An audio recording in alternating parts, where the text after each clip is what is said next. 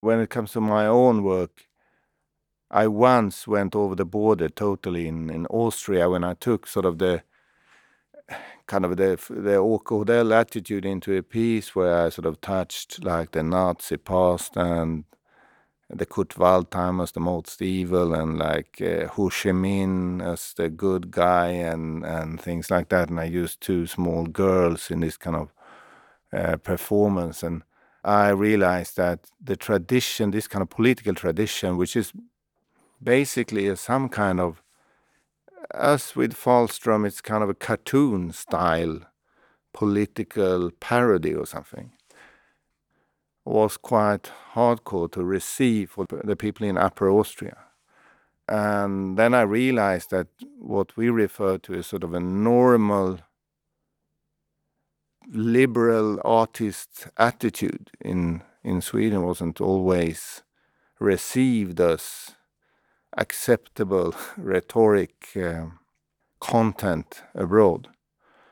I can't say it was a wake up call, but I sort of realized that was um, there was a certain tradition in at the Fylking society, and sometimes it could still be quite radical if you move it to another context. I think people refer to the glorious days of the text sound festivals and everything as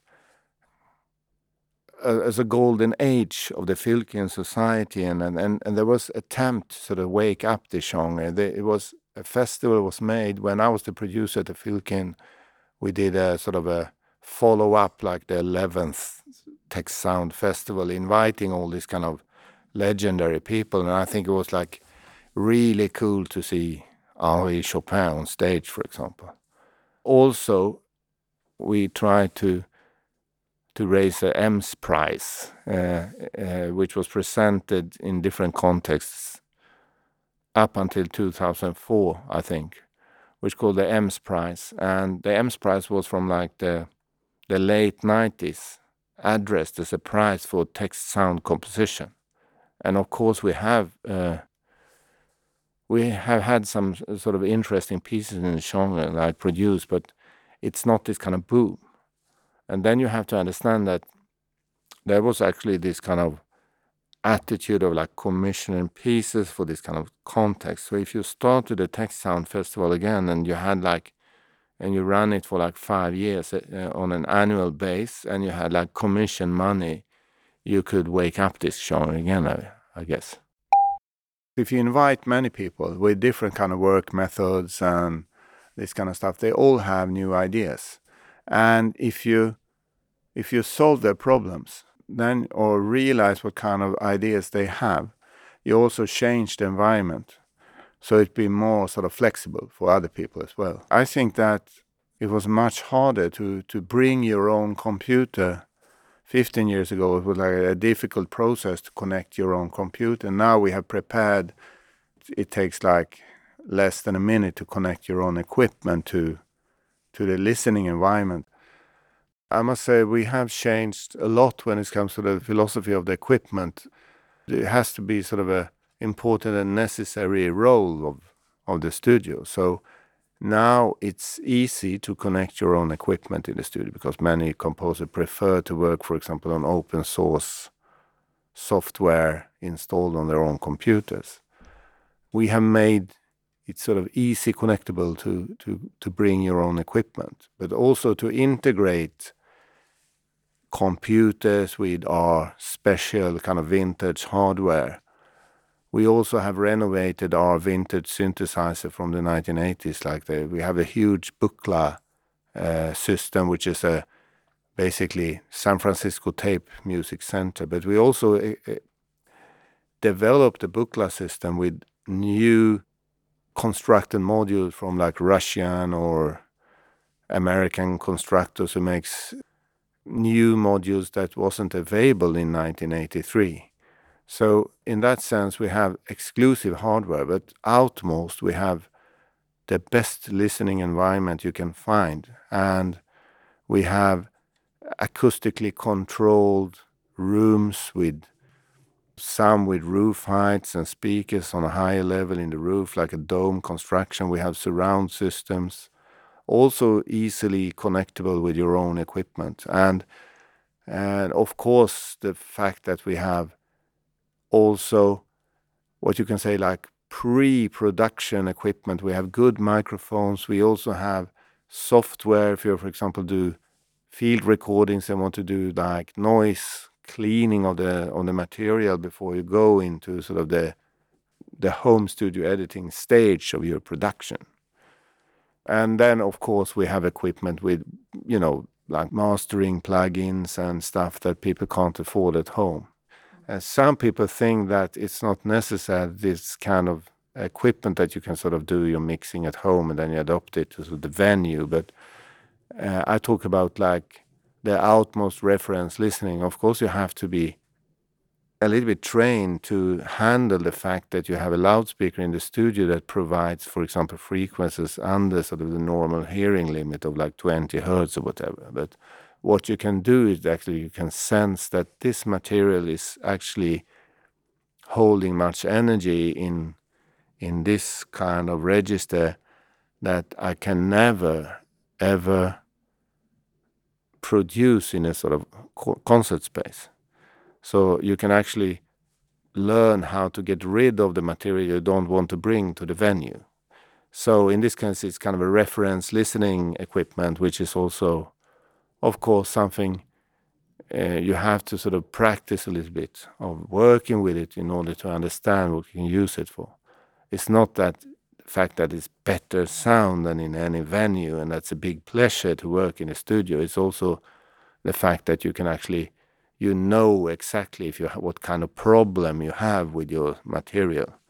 So it's it's it's kind of a utopian listening environment, but it's also the most revealing listening environment you can find. The starting point of of the archives of the electronic music history and the history of the electronic music studios, I think was the something called IDEAMA archives, which was released of the ZKM in Karlsruhe. And they selected pieces very carefully, like it's kind of a it's not the greatest hits of electronic music, but I think the fact that the IDEAMA archives became available, uh, for example, is like um, uh, I heard the first piece by Walter Ruttmann, which is like in the 1920s, which was a, a music concrete collage. Uh, that was the oldest piece in the IDEAMA archives. When it comes to the EMS archive, it's a, I think it's a massive archive. It's uh, 4,000 pieces and it's in total like 1,000 hours of music it's not a huge amount of data if it's digitalized, but it's it's in order to digitalize it's it's, it's a big effort. And we have been running a project, and the priority we put at that time, we managed to get special government funding, like in 2008, 2009, where we could do some big steps. For example, we the DAT tapes, like the the uh, format of the 80s around 90s, is a high risk storage. So we managed to take all the DAT tapes, like a small video cassette with digital sound, in CD quality basically. We managed to do most of the CDRs we have stored, which is also a really high risk storing. We started with the reel tapes when it comes to sort of uh, I think we came to the letter L something. And then we worked on requests from researchers, which we are still doing. The only digitalization we are carrying out from analog tapes now is stuff that's requested from a concert organizer uh, from the Swedish radio, want to do a portrait program or something like that, uh, uh, or any radio station, I would say. Uh, but I think that it's like one third of the analog tapes are done or something of course, we realized we have to take care of everything. When we did this archive project, we had contact with, for example, the Technische Universität Berlin, but foremost the GRM in Paris, who also is actually the INA GRM. So we had like regular contacts with Daniel Teruggi and his staff members, who are real experts. But we are the only Swedish project that does like high quality preservation of tapes when it comes sort of uh, the state stuff. Actually, the Royal Library, in most often cases, they have just that you should recognize the material. And I was a little bit shocked by the principles of the Swedish radio, for example. Everything that are broadcasted in Sweden are transferred through, I think it's like MP3, 128 kilobit per second, uh, streams directly to servers. So the only preservation in high quality that may take place if the Swedish radio are sort of archiving the material themselves. But I must say that the real high risk is today's stuff because sometimes it's a USB stick, sometimes it's a it's a mail with a WeTransfer code or something that you are supposed to download, but if you are traveling, you may miss it, and then you know you actually should have a full-time staff member just handling the collection. And also uh, as i mentioned before hunting down the stuff that we're not automatically getting. And it's very hard sometimes to actually to detect sometimes a composer release an album and one of the tracks are composed at EMS for example and of course when it comes to the, sort of the EMS records and we also have donations of old material. For example, now we are about to get like a donation with a complete legacy of, of Rune Lindblad, which is a huge project. So one of my main tasks now is is to find funding to to really do something serious with sort of the archives we are sort of the national organization for electroacoustic music in Sweden, or electronic music and sound art, whatever.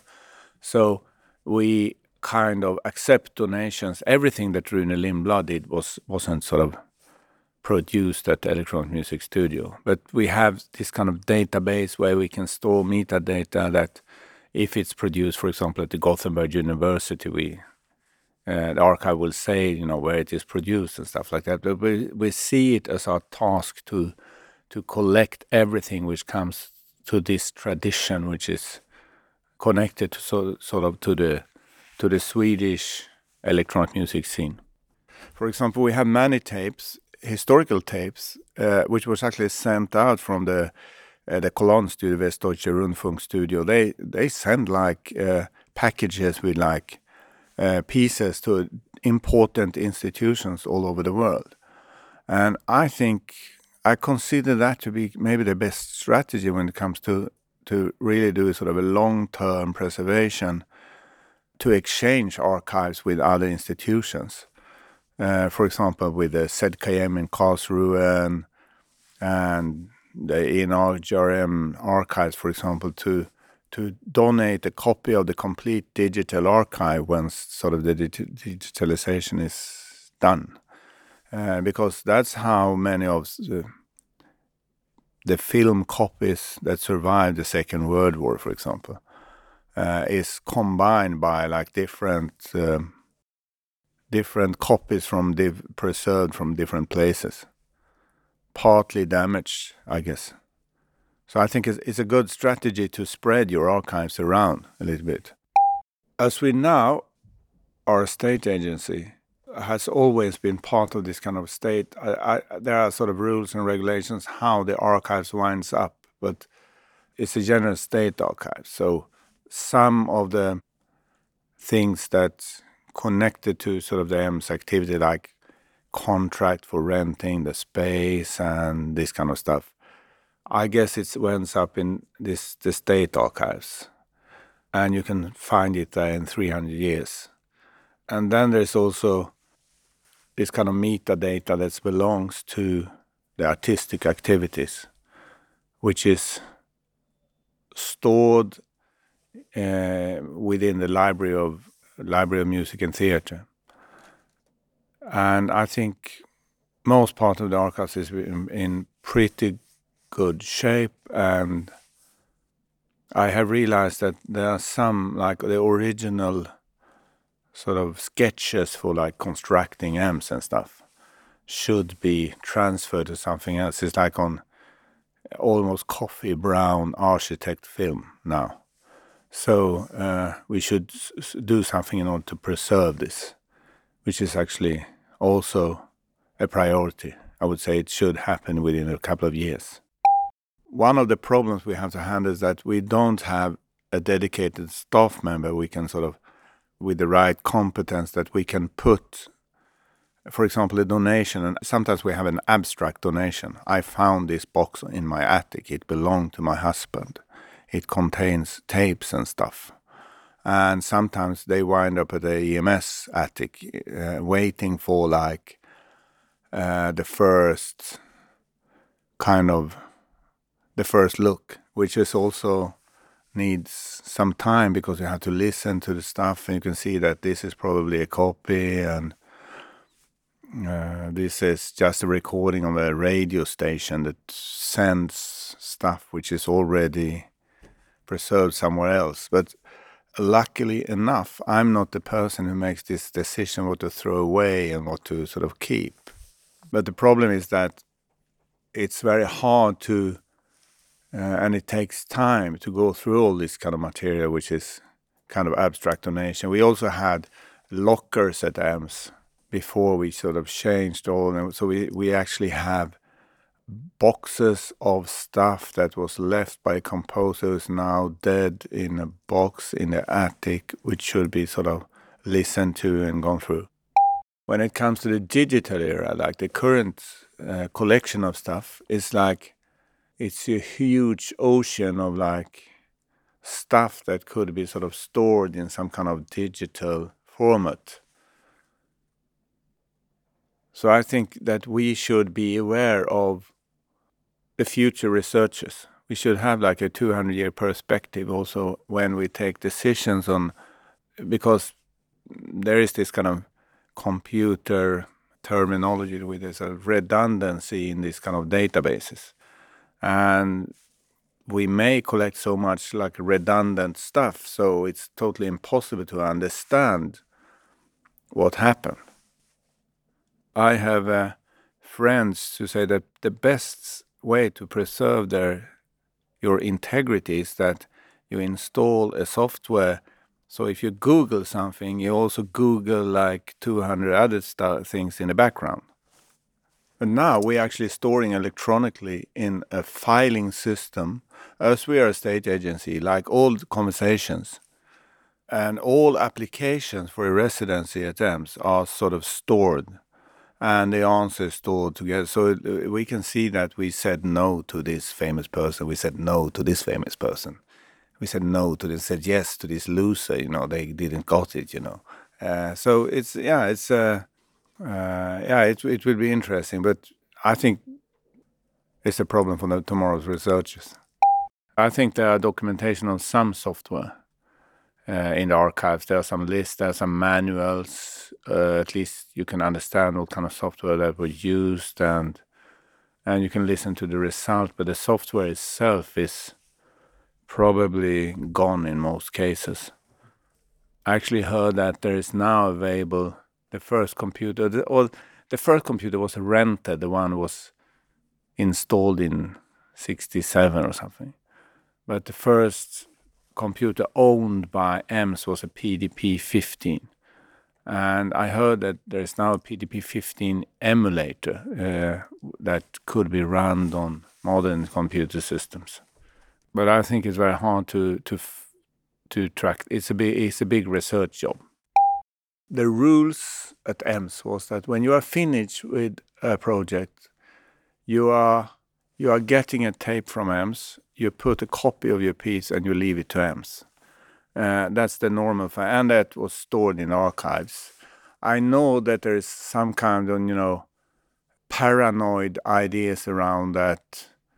Knut Wiggen probably stole my tape and threw it away, and and Knut Wiggen said that Lars Gunnar probably threw away my uh, sound machine. and um, stuff has disappeared from the archives, of course. It's always a risk. I know, for example, during the Lars Gunnar era, uh, like Roberta Settles called me like uh, many years ago now and said that I have things that is made at EMS that I took from EMS.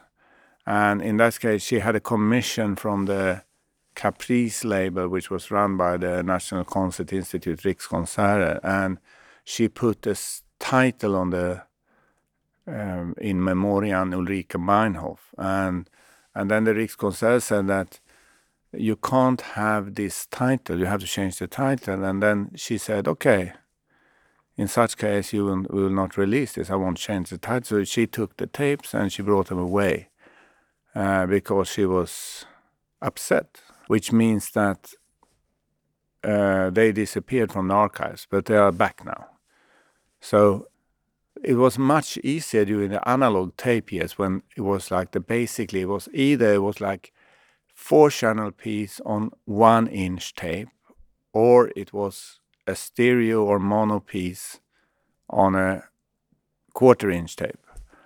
And we were very lucky at EMS that we were buying the tapes through Swedish radio, and we were lucky enough that we only bought European German tapes, and we had never sort of received any total damage problems like with some American tapes uh, that they are destroyed by this some kind of breakdown of the plastic sort of base.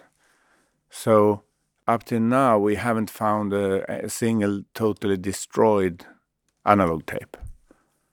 So they are quite good shape.